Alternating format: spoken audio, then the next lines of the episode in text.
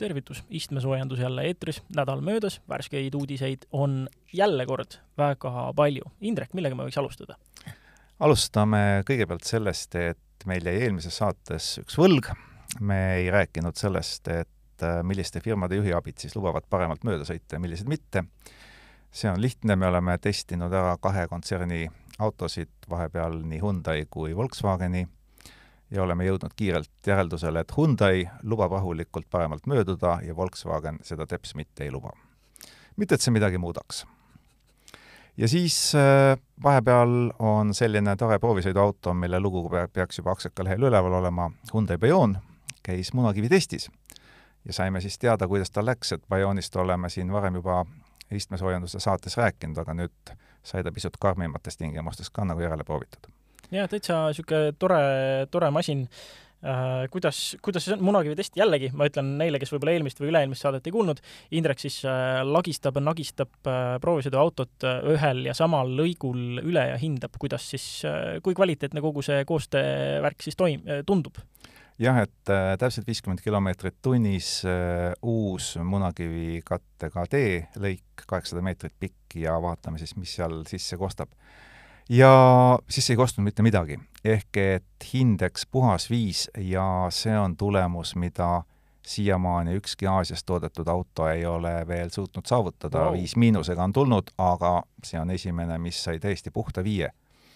kuidas see on võimalik, ma ei tea, sest kõva plasti on seal palju, aga see on tõesti suurepäraselt kokku jaa, ma, ma ise ka Bioniga sõites, ta oli, ta oli nagu väga stabiilne igatepidi, et mind üllatas, et muidu niisugune nagu väike odavõlmeline masin, on ju, aga täiesti nagu sõiduelamuse mõttes suhteliselt rafineeritud. jaa, aga ega ta nüüd väga odav ei ole, et ta on selline hinna poolest suhteliselt keskmine oma klassis. aga teeb kõike seda, mida ta teeb, teeb väga hästi.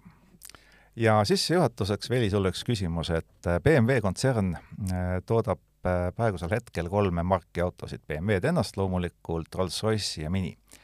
ja mis sa arvad, milline nendest kolmest automargist äh, omab kõige nooremaid kliente? ma ütlen ette, et see noor või vana on suhteline, need on nelikümmend kolm aastat vanad keskmised ostjad. paganas, no nooruse põhjal ma oleks kohe pakkunud, noh, kasutatud autode puhul ei ole küsimustki, BMW, aga me räägime uutest. aga uute puhul ma tahaks ikkagi Mini pakkuda. ei ole, tegelikult Mini ostjad on millegipärast kõige vanemad. huvitaval kombel, kas nad on seetõttu, et äh, omaaegne kuulus Mini jääb nende noorpõlve või midagi muud, aga üllatav on see, et äh, kõige noorema ostjaskonnaga automark on BMW kontsernis hoopis Rolls-Royce. ja neljakümne kolme aastane keskmine ostja ja need turud muidugi ei asu Euroopas, vaid asuvad Ameerika Ühendriikides ja üle kõige Hiinas. ja noh, Rolls-Royce'ist me ei räägi just väga tihti ja siis äh, mul ei tule ka ühtegi korda ette, see on vist vähemalt üle kahekümne saate esimene kord, kui me mainime üldse. jaa, aga ega seda autot ju väga tihti meie teedel ja tänavatel ei näe ka. jah, proovisõiduks ei pakuta ja, ja.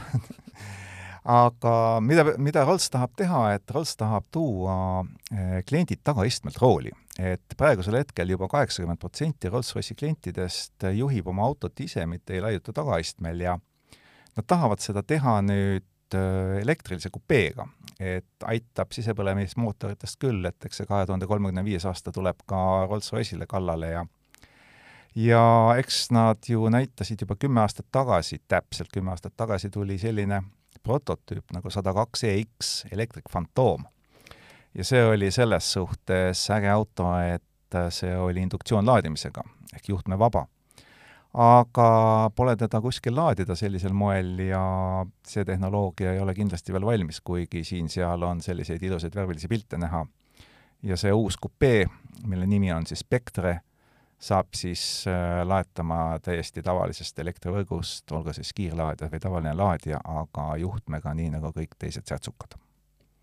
ja muidugi nüüd ma küsin, mis sa arvad, mis on järgmine mudel. No kas on võimalik? Ei ole. Ei ole. No siis läheb ikka linnamaasturi teed. absoluutselt, ei läinud mööda, eks ole. Ja kahe tuhande kolmekümnendaks aastaks tahab siis Rolls-Royce saada samamoodi täiselektriliseks brändiks ja sel aastal, esimesel poolaastal müüs ta küll pisut alla kolme tuhande auto, see ei ole väga suur number. No aga samas neil on ka mitmesaja tuhande eurosed autod, mingisugune kas kuussada tuhat on niisugune keskmine või midagi säärast. just nimelt, ja Rolls ütleb, et kiibikriis, et mis asi see on, et see on nende jaoks sügavalt võõras, et money talks. ja, ja BS Walks, vana hea okei okay., aga kiibikriis on siin löönud ilmselgelt nagu ütleme siis äh, pisut, pisut öö, äh, odavamate autode tootjaid, sealhulgas ka Renault.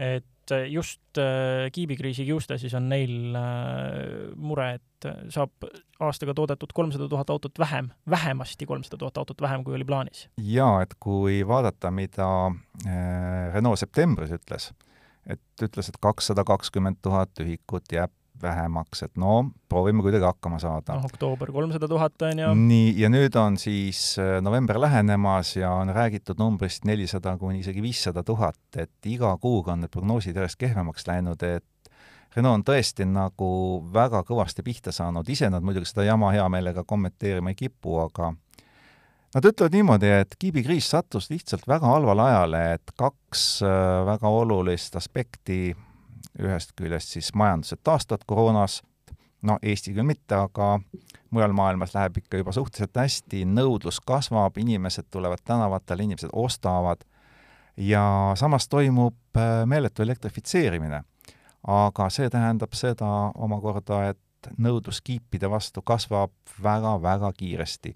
mis siin nüüd põhjus on, mis tagajärg, noh, kas kriisist tuli äh, on nüüd omaette teema, aga selge on see, et et need halvad asjad on siin praegu kokku juhtunud mm, -hmm ja Renault on sellest päris kõvasti pihta huvitav, kuidas nad kohanevad, sellepärast et noh, näiteks Hyundai, eelmine saade ju rääkisime, Hyundai alustab oma ränikiibi tootmist, et äh, teagi siis, kas Renault teeb, teeb sama asja ja aga samas siis nad ei vaikiks jällegi niimoodi kõrvulukustavalt. jah, et ega nad, nagu ütlesin, et kommenteerima väga ei kipu ja ega nad vist äh, väga head plaani ei ole ka, aga kuna kogu maailmas öeldakse, et raskeimad ajad hakkavad kiibikriisis kohe nagu selja taha jääma, siis ju nad loodavad, et kui järgmine aasta paremaks läheb, siis saavad nagu hakkama seal nii kaua. kellel muidugi natukene paremini läheb, on General Motors, et nende finantsjuht äh, Paul Jakobson ütles, et nende kolmanda kvartali müük siis on võib-olla ainult kakssada tuhat väiksem, et äh, võrreldes nagu Renault numbritega on need kaks korda paremad, aga ikkagi päris kõvasti pihta saanud ja mida ta muidugi ei öelnud, et mis segment siis pihta saab, et kuna Ameerikas on ju väikeveokid väga populaarsed, et kas need on äh, siis väikeveokid, sõiduautod, džiibid, et kes need kõige rohkem müüki kannatavad? aga hüppame nüüd korra BMW kontserni juurde tagasi. Äh, nimelt nende suurim tehas Münchenis, nende põhiline tehas, mis avati aastal tuhat üheksasada kakskümmend kaks, äh, otsustati nüüd, et kaks tuhat kakskümmend neli seal enam sisepõlemismootoreid ei toodeta. Et äh, see ei tähenda veel täiesti nüüd BMW poolt sisepõlemismootori surma, neid toodetakse ikkagi mujal edasi, aga, aga jah, nende, nende olulisim äh, ja siin pikima ajalooga tehas ikkagi lõpetab selle tootmise. et äh, selles mõttes kahju, BMW on elus hoidnud siin veel ähm, rida kuut, mis, mida ei leiagi väga paljude tootjate kapoti alt enam, et see muudkui kukub ära ja Jaapanis kukkus ju ka ära tegelikult jumala noh, iseloomukas mootor, on ju no järgmises uudises kuuleme, et tegelikult veel Rida Kuus ei ole surnud, ta elab veel. Väga hästi. ja elektri osa selle uudise juures on see, et BMW alustas ka i4 tootmist, kusjuures äh, siin saab kohe välja tuua, et üks Accelerista kaasautoreid, Margus, on täitsa i4-ga saanud siin Eestis tutvuda ja oma mõtted juba kirja pannud, et ta tutvus ära ja nüüd siis alustati tootmist kah jaa, et äh, juba järgmisel, täpsemalt küll ülejärgmisel aastal, kaks tuhat kakskümmend kolm, siis peab olema pool Müncheni tehasest juba särtsuga tulema, aga loomulikult ei tähenda see seda, et nad on kõik täiselektrilised nagu i4, et äh, sinna alla käivad kõik poolhübriidid, äh, pistikuhübriidid, tavahübriidid, nii et särtsule üleminek toimub üsna sujuvalt, mitte väga järsult BMW puhul i4 puhul veel äh, toon, tulen, tulen tagasi äh, vältimatu juurde, see elevant toas on ikkagi neerud nagu BMW-l ikka, mis Hiina turu pärast lähevad üha suuremaks ja suuremaks.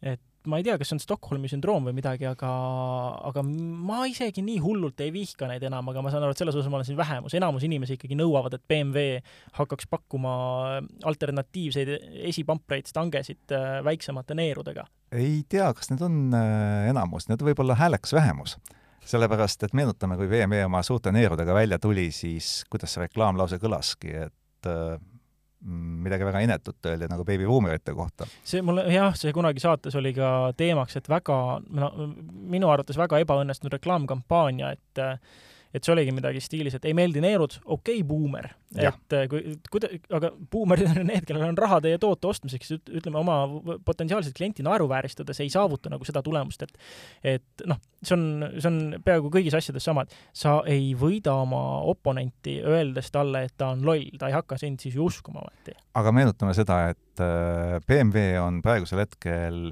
ongi orienteerunud buumeritele, aga see tähendab seda, et et see on inimesed viiskümmend, kuuskümmend ja see, mhm. ta lihtsalt tahaks ka nooremaid kliente saada, et kaua see Rolls-Royce laiutab, eks ole, noorteturul. ja, ja ilmselt siis äh, eks siis need neerud on selline asi, mis hakkab natukene seda ühiskonda polariseerima, et elektriauto on niikuinii noortepärane ja noh, elektriautod on ju tuntud selle poolest, et nad on täiesti mitte midagi ütleva välimusega mm -hmm. reeglina, et kui sinna vähemalt niisugused suured ja ägedad neerud panna, siis noh, natukene torkad teistest silma nii, aga võiks tagasi tulla selle rida kuue jutu juurde. jaa, aga hakkame ääri-veeri pihta, et eelmises saates ju rääkisime Mazdast ja just kurtsime, et Mazda nagu on kuidagi vait ja väga uudiseid ei ole, siis nüüd tundub, et nad on meid kuulda võtnud ja tilgutavad kogu aeg midagi sisse, et et kui eelmine saade rääkisime äh, CX viiekümnest, mis saab siis olema uus linnamaastur neil siis juba järgmisel aastal vähemalt lubatakse, et Euroopasse tulevad meil kaks äh, linnamaasturit veel, CX kuuskümmend ja CX kaheksakümmend. ehk siis äh, CX kuuskümmend on kahe istmereaga, aga tema tagaosa on selline natukene suurem, universaalipärasem, ja CX kaheksakümmend on siis kolme istmereaga, noh, täitsa ikka tõsiselt suur maastur. et kui CX viiekümne ja CX kuuekümne tagaosasid võrrelda, siis võib-olla kõige parem ongi, kui hoopis täiesti üldse mitte jaapanlasest Peugeot mudelid kolm tuhat kaheksa ja viis tuhat kaheksa, nende tagumise osa võrdlus annab üsna hästi välja selle võrdluse, mis on Mazda siis CX viiskümmend ja CX kuuskümmend. ja loodetavasti jõuavad need kõik ilusad autod ka Eesti turule, noh, nende kapoti all loomulikult vankelmootorit oodata ei ole.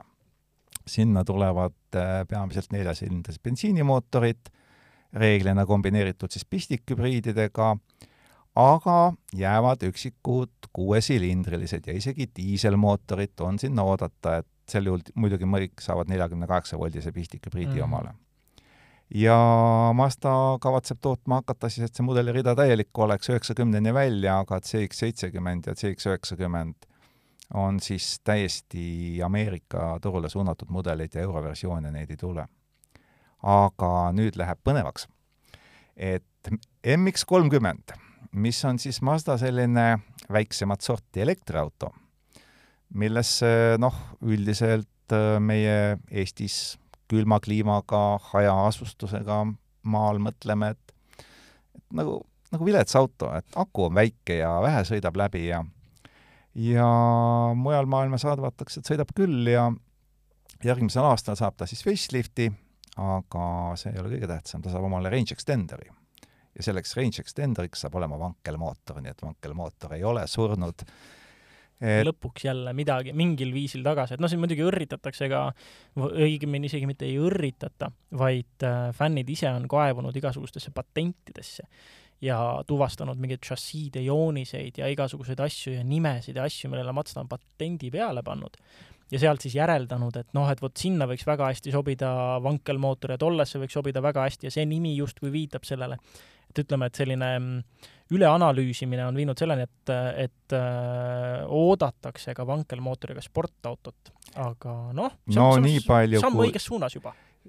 pigem ei, sellepärast et äh, Mazda on rääkinud oma sportautodest ka tasapisi ja väga selgelt öelnud, et uus MX5 mis on ikka täiesti tõsine korralik sportauto ja väga mõnus kupee. tuleb uue Skyactiv X mootoriga ja ainult, isegi poolhübriidi peale ei panda, tuleb puhas petrolheadide auto. see on väga hea, sest samas sellepärast ka, et see teadagi äh, elektriajam ja aku lisavad massi. ja, piisavalt palju. ja MX5 puhul ju on see, et ähm, ta on üks väheseid Äh, mudeleid, mis on mudeli uuenduse käigus läinud eelkäijast kergemaks jälle, et oligi nüüd, mul ei ole kohe meeles, kas need on kolm või neli, neli generatsiooni MX5-e, vist, vist on kolm kusjuures, igatahes viimane oli sellele eelkäijast äh, törtsu isegi kergem. et ma mäletan, kunagi ma kirjutasin sellest ja kiitsin seda väga ja noh, äh, kui Mazda tahab seda joont hoida või vähemasti sama raske selle auto hoida, siis igatahes õige suund. Jaa, ja kuna MX kolmekümne puhul on mass juba niigi suur, siis vankelmootor on ju teatavasti tavalisest äh, harjumuspärasest kolmmootorist kergem mm. -hmm. ja mis oli tema suurim õnnetus, miks viimane seeria vankel kaks tuhat kaksteist ära müüdi, on ju see, et saastenormid, et ta võib olla säästlik ja kõik, aga saastenormidega ta kokku ei läinud ja nüüd ongi hästi loogiline, et kui panna ta range extenderiks äh, täiselektrilisele autole, siis kombineeritud heide saab ikkagi olema mm -hmm. piisavalt väike, et mahtuda kõigis euronormidest läbi väga pikaks ajaks, nii et äh, hundid söönud, lambad terved, äh, pikem läbisõit, vankelmootor tagasi, elu nagu lill. absoluutselt. järgmiseks on meil äh, üks väike Aasia uudis, aga mitte siin nüüd äh, nii äh, ütleme kohe esimesena pähe kargavate Aasia autotootjate kohta. mida SsangYong teeb?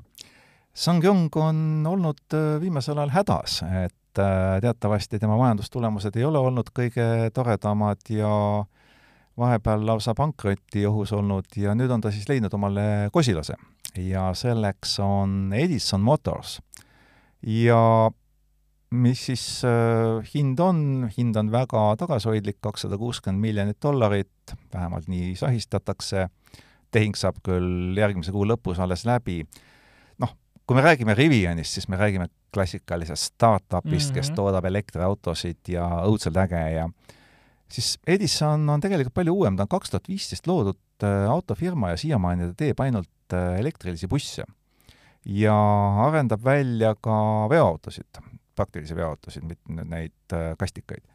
ja milleks oli talle Sangyongi vaja tegelikult lihtsalt sellepärast, et saada sisse jalg vahele nüüd ka sõiduautode turule, sest Sangyongi tugevus on ju olnud kogu aeg nelikveolised sõiduautod, viimasel ajal linnamaasturid, aga see on trend, nii et Edison saab omale küllaltki soodsa hinnaga piisava kompetentsi, ärilist kompetentsi on neil endal, nii et ma arvan, et kuigi ka praegu veel esindusse minnes võib Sangyongi täitsa müügilt leida, aga loodetavasti saab see auto nüüd uue hingamise siin äh, nimed, see nomenklatuur on äge muidugi vaadata, et kuidas riburada pidi on äh, tootjad tekkinud, et ma Tesla esimest aastat muidugi kohe ei tea, millal, millal Tesla võis saada asutatud, see oli juba ju enne kaks tuhat kümme, mingi kaks tuhat viis, kuus, seitse, midagi sinnakanti, on ju siis meil on see Nikola, mis on see vesinikuautode tootja.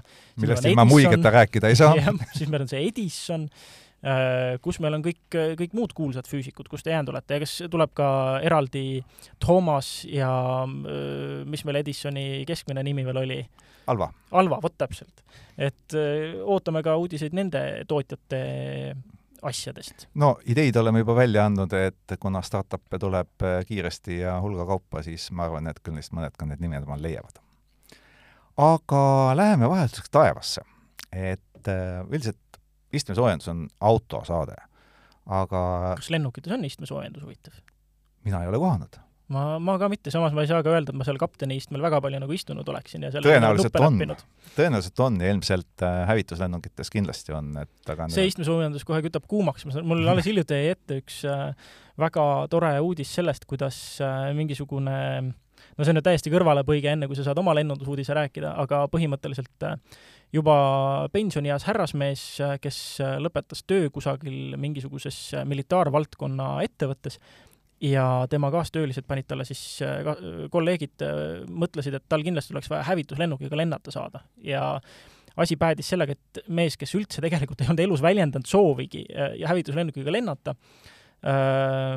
ja kelle arst oli näinud rangelt ette, et ta ei tohi tajuda negatiivset siis kiirendusjõudu, mis oli mingisugune üle mingisugune, ma ei tea, kas viie või kuue G, siis noh, juba stardil see hävitaja piloot, kes küll kindlasti omast arust võttis rahulikult, suutis need negatiivsed G-d ette manada ja mispeale siis härra krampus seal tagaistmel kusagile külge ja katapulteerus siis lennukist. Et see on, see on, ütleme, väga kuum istmesoojendus. ja noh, kuigi ette on nähtud, et siis hävituslennukites, kui on situatsioon nii hull, et üks katapulteerub, siis tavaliselt automaatselt katapulteerub ka teine. aga õnneks see siis seal midagi, seal midagi riknes ja piloot ei katapulteerunud, vaid sai lennuki uuesti maandada ilusti ja noh, siis muidugi jääd see lennuk pikaks ajaks seisma, sest et oli oht, et see iste spontaanselt veel minema lendab kuskile. et selline hästi tore juhtum siis äh, kolleegidelt, selline kingitus jah, istmesoojend-, väga kuumast istmesoojendusest. et äh, läheme hoopis spordi peale, et enne kui me lennukist räägime, et kes on praegu Euroopa valitsev äh, meister jalgpallis? ma ütlen ausalt, jalgpalli ma tegelikult ei jälgi. Ma jälgin jalgpalli niimoodi, et kui on seltskondlik üritus sõpradega äh,, snäkid, mõni jook äh, ja kutsutakse, siis ma hea meelega elan kaasa, aga see on ikkagi seltskonna pärast, et ma, ma, ma seda ei viljele, et ma oskan öelda, et vot selle meeskonna number kolmteist on vot see mängija ja tema mängib seda positsiooni ja lööb, on löönud see hooaeg nii palju väravaid. seda ma ei oska, ma, ma, ma absoluutselt ei tea. no pole lugu, et äh, see meeskond on maailmameister olnud juba kolmekümne neljandal aastal ja kolmekümne kaheksandal aastal, nüüd siis ka Euroopa meister ja see on taevasiniste meeskond. Ja miks siis äh, jalgpall ja miks siis lennukid, aga sellepärast, et äh, ega Itaalias ei olnud asjad paremad kui Eestis, et Itaalial rahvuslik lennukompanii Alitalia lõpetas siis pankrotiga ja hiljuti tuli uudis, et itaallased on siis omale ka saanud uue rahvusliku lennukompanii ITA, ITA, ma ei tea, oleneb, kuidas lugeda, Airways, ja hästi ilusad helesinised lennukid, mis on siis täpselt sama värvi kui Itaalia jalgpallikoondise särgid. aga igal äh, mündil on kaks külge, millega see päädis, ilusate lennukite näitamise järel tulid kokku mõned äh, lennundustöötajad, ehk siis otse öeldes stjuardessid, nooremapoolsed ja kuidas Itaalias siis protesteeritakse selle vastu, et töötingimused uues lennukompaniis on kehvemad, mindi Rooma keskväljakule ja võeti riided ära. no see on vähemasti meeldejääv protest, väga meeldejääv protest, aga selline stiilne Itaalia protest jätta meelde sellest, et nüüd on neil uus lennukompanii jah, et noh, siin meil on toimunud igasuguseid huvitavaid proteste, mul ei tule küll ette, et keegi end selle käigus paljaks oleks koorinud, aga võib-olla seda peaks rohkem viljelema. jaa, muidugi ainult suvel palun, sest äh, muidu oleks lihtsalt ja no aga tervisele, tervisele on hea jällegi muidugi ju võtta jahedas, võtta, võtta kah riided ära. jah, aga mitte kauaks aga tuleme nüüd taevast tagasi maa peale ja räägime hoopis akudest.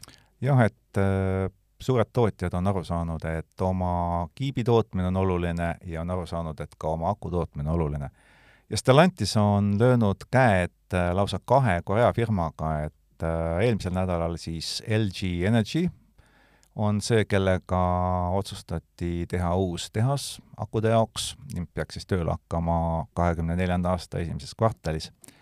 Ja nüüd siis ka Samsungiga samamoodi löödi käed, moodustati uus firma ja see hakkab siis tootma elektriautodele akusid Põhja-Ameerikas.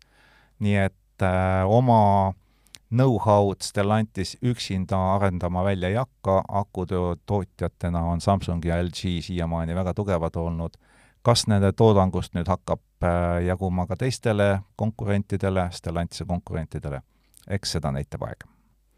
Järgmiseks äh, natukene Škodast. Äh, uus Fabia on tulnud välja ja sellega seoses tulnud välja ka see, et universaali ei tulegi enam jaa, et äh, tänavu suvel siis Škoda tutvustas oma uudismudelit, Fabia, ammu ei toodeta seda enam mingil muul moel kui ainult viieukselisena, aga Fabia oli üks väheseid äh, B-segmendi autosid, kus oli võimalik saada ka universaalkere.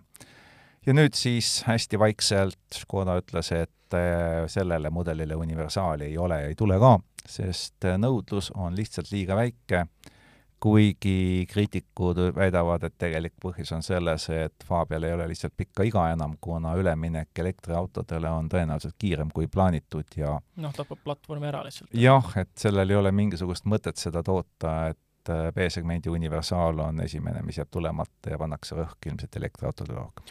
no ja samas on ju see, et äh, algselt väikeautona alustanud ja noh äh,, siin alternatiiv ka Polo äh,, need jällegi ei saa enam kolme ust, tundub niisugune nagu kesk, äh, ütleme, kogu asja väga keskmiseks ajamine on toimunud ei universaalile, ei kolmeukselisele. just täpselt, Seati pitsa, täpselt sama, et äh, ei mingit kolme ust, ei mingit universaali, kuigi vanasti ju sai, et ainult viieukseline luukpära ja kogu lugu ja sedaankerega väikest Seati me ilmselt ammu enam ei mäleta kas see oli, jäi lausa eelmisesse sajandisse.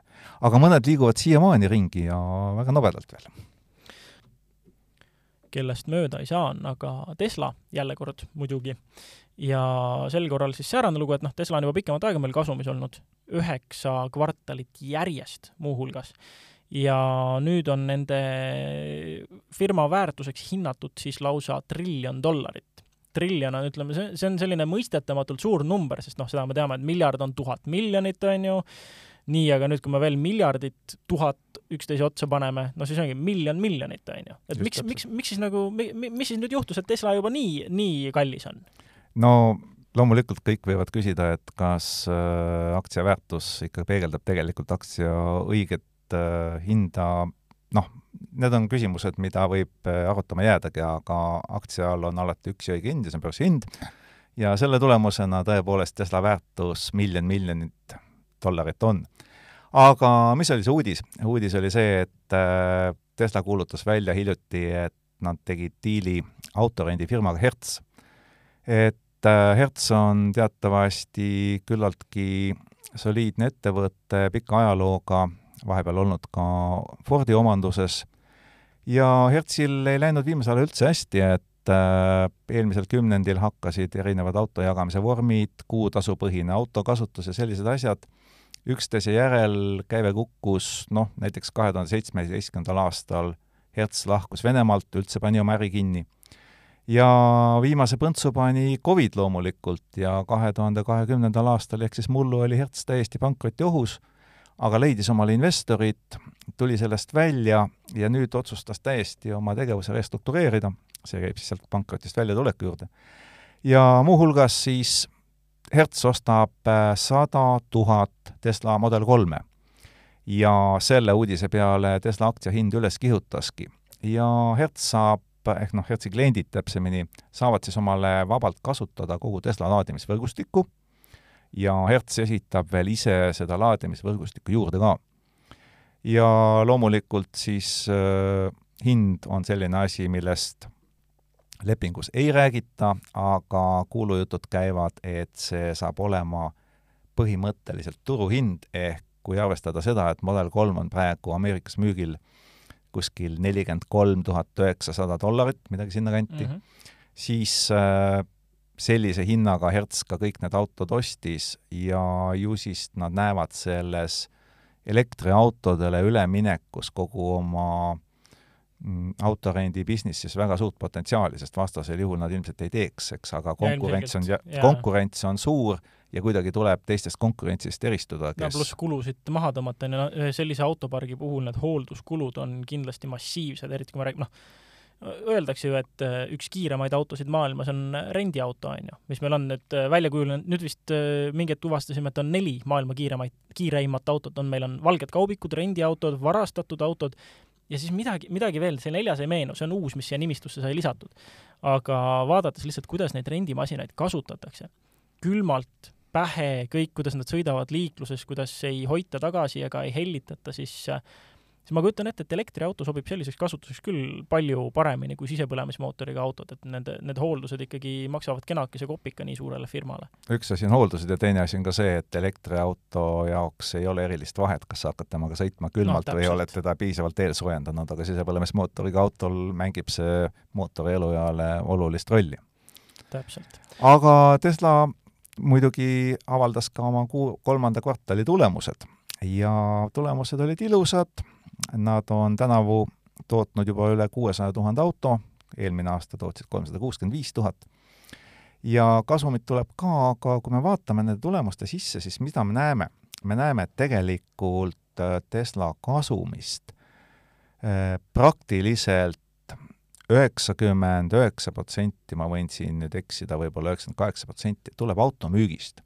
ehk et Tesla hakkab muutuma igavaks autotootjaks ei ole mingisuguseid põnevaid skeeme mingisuguste kvootidega, asjadega, ongi ainult automüük ja sealt saadki. ja sealt tuleb raha, et liisingust tuleb veel natukene raha, aga me kõik ju mäletame, et Tesla tahtis olla suur äh, energiasalvestusfirma, millest ei ole eriti mitte midagi kuulda ja kui näiteks äh, suured IT-firmad on läinud arvuti tootmisest teenuste tootmisele, siis Tesla puhul need on ka väga väikese tähtsusega, et automüük ja see on kõik ja kõik ülejäänud asjad on äärmiselt väheolulised.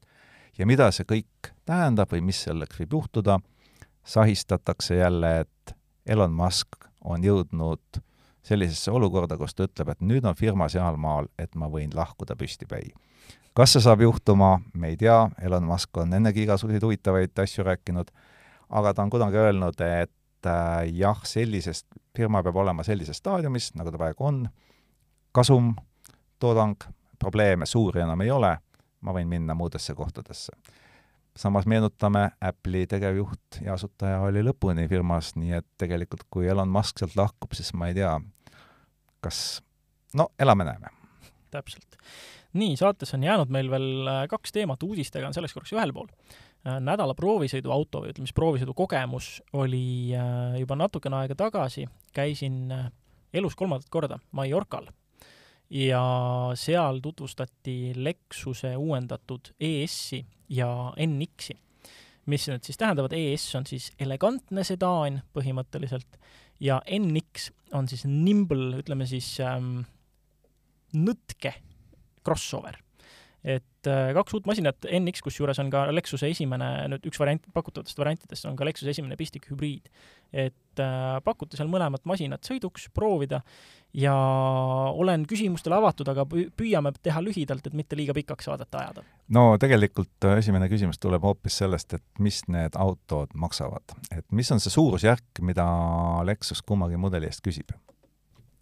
Laias laastus võib öelda, et äh, mõlemad masinad algavad sealt kusagil neljakümne viie, neljakümne kuue tuhande euro piirimailt ja jõuavad kuuekümne algusesse, kuuskümmend üks, kuuskümmend kaks kusagil, ja siis sa saad lisavarustust veel laduda kusagil niimoodi viie-kuue tuhande euro eest see tähendab seda, et kõik, mis vajalik, on juba tegelikult pardal? jaa, ja need varustustasemed on ikkagi, noh, nad on selles mõttes, et äh, nad on mõlemad ikkagi äh, väga hästi varustatud juba eos.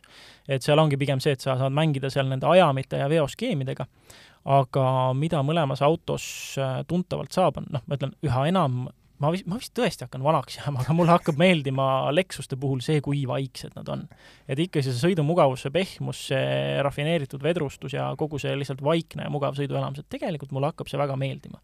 et see, seda, seda on nende puhul väga tunda, pluss siis igasuguseid äh, moodsaid lahendusi, mida nad toonud on, et noh, ma ES-i peal võib-olla nii palju ei peatukski, et äh, et see, ütleme noh, nendest kahest autost mulle avaldas muljet rohkem isegi see NX, mis on üllatav, sest ta on ju linnamaastur, on ju, ja noh, linnamaasturitest minu arvamus on suhteliselt, suhteliselt laialt teada. ja sellegipoolest jumala lõbus on tegelikult temaga sõita äh,. šassii on jälle, noh, nagu ikka, jäigem on ju, ta on nüüd äh,, teda on tehtud madalamaks, rööbet on tehtud laiemaks, teljevahed pisut pikemaks, ta on stabiilsem sõidus samas tänu jäikusele on juhitavus ikkagi, sa tunned jumala hästi, mida ta teeb, et äh, ta ei ole niisugune, ütleme, surnud ja vaakumimaiguline sõiduelamus. ja tal on, mis on veel uuendus, on see, et äh, tagasillal on topeltõõtsarkidega vedrustus. Äh, kas see on kõikidel varustustasemetel? see peaks nüüd olema ikkagi kõikidel jah, see käib siis kogu selle paketiga, kogu šassiiga kaasa. et Äh, ja sellel äh, pistikhübriidil siis, mis oli see tippmine versioon, mida me proovisime, noh, natuke üle kolmesaja hobujõu, ta ei tundu nagu väga palju, aga noh, täiesti piisavalt möödasõidud, asjad sai kõik tehtud, ta ei ole sel-, ta ei ole mitte ühestki otsast nagu ütleme, selline ta ei, ta ei tõmba sind mitte üheski hetkes istmesse, ta on ikkagi väga-väga lineaarne, niisugune igatepidi mugavusele suunatud sõidukogemus. ja noh, mis äh,, rääkides nendest uuematest lahendustest, üks asi, mis võib-olla oli natuke küsitav, äge, et tehakse, aga ikkagi mingil määral küsitav, on see, et nad, nad on seda häälkäskluste asja täiendanud, nad on sinna andmebaasi väga palju erinevaid käsklusi lisanud, lisanud, et sa saad näiteks öelda hei, Lexus, ja siis midagi stiilis, et äh, näiteks noh, mida, mida ma katsetasin, ta hästi reageeris sellele, kui ma ütlesin talle, et äh, äh lower driver side window halfway ja siis ta lasebki, noh, ta muidugi mõtleb, kuulab, ta mõtleb ikka päris kaua aga saab aru? aga ta saab aru ja ta lasebki, ta oskabki sul lasta äh, näiteks ees, noh, mis iganes aknad sul näiteks poole peale lahti. noh, ma proovisin ka quarter ja mis iganes muid ja protsente, nendega oli juba keerulisem, neid enam aru ei saanud ja mõtlesin, et kui, kui lõhki seda pilli ajada saab, aga näiteks pooleldi lahti tegemisest sai nagu kenasti aru. Äh, katuseluuki saab näiteks häälkäsklustega avada, mingisuguseid äh, sise, sõitjate ruumi temperatuuri muuta, aga paraku jah, see oli nagu selline, ütleme, noh, tegelikult mul on kiirem seda, seda nuppu vajutada siin või seal, aga samas on tõesti mugav, et sa ei pea seda otsima, sa saad seda öelda selles mõttes pardakompuuter reageerib äh, igasugustele puudutustele, asjadele kiiresti. et äh, see on veel üks asi, mis on lisatud, et eelmistel, eelmistel ES-idel ja NX-idel oli ju see mingisugune puuteplaat seal keskel ja ekraanid ei olnud isegi puutetundlikud.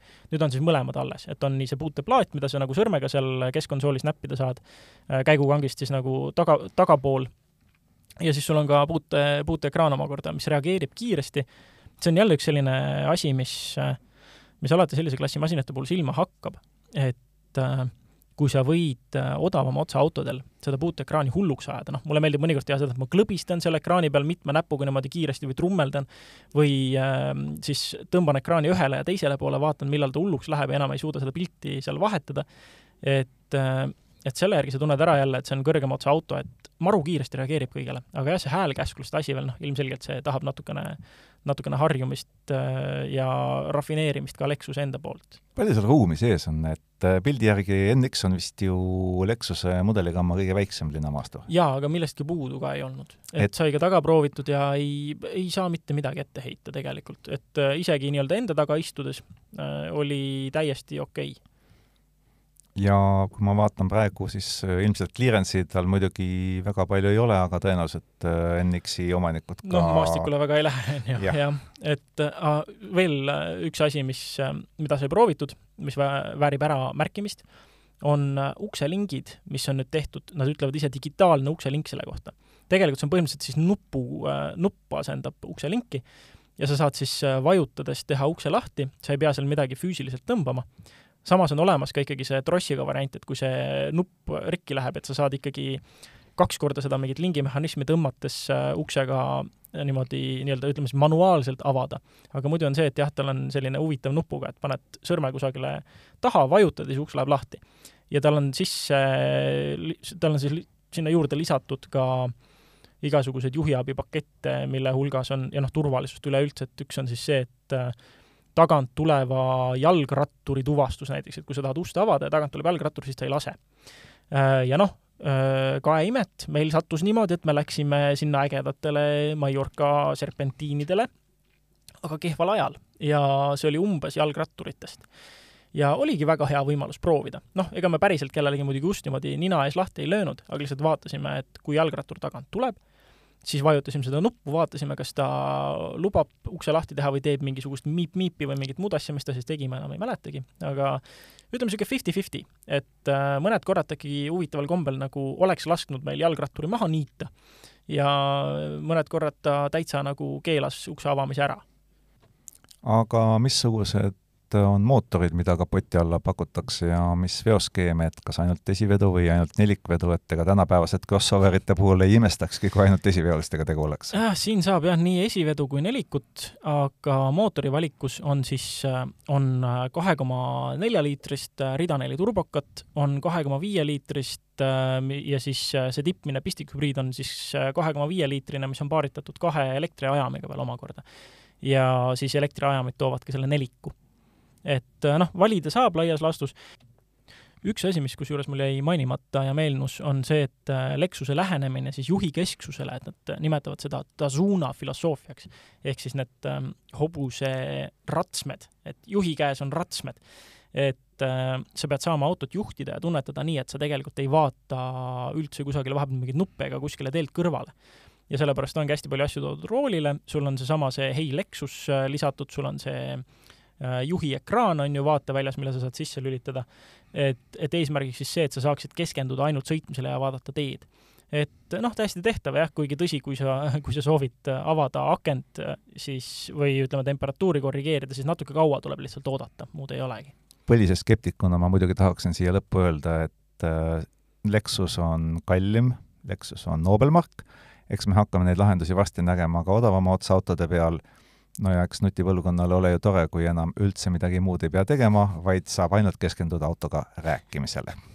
jah, ja noh, nagu siin võib äh, vaadata, siis kusagil see Lexuse ja Toyota, ütleme, lahenduste vahe või see, millal jõuavad Lexusel kasutatavad lahendused Toyotani, no see on laias laastus niisugune, tundub olevat kusagil kuni viis aastat, viis, neli, midagi sinnakanti, et siis tulevad juba, juba, siis muutub tehnoloogia nii levinuks ja Lexusel on juba nii uued asjad, et Toyotadele on paslik panna ka neid samu Hei Toyota ja mingeid äh, digitaalseid ukselinke ja muid, muud kraami.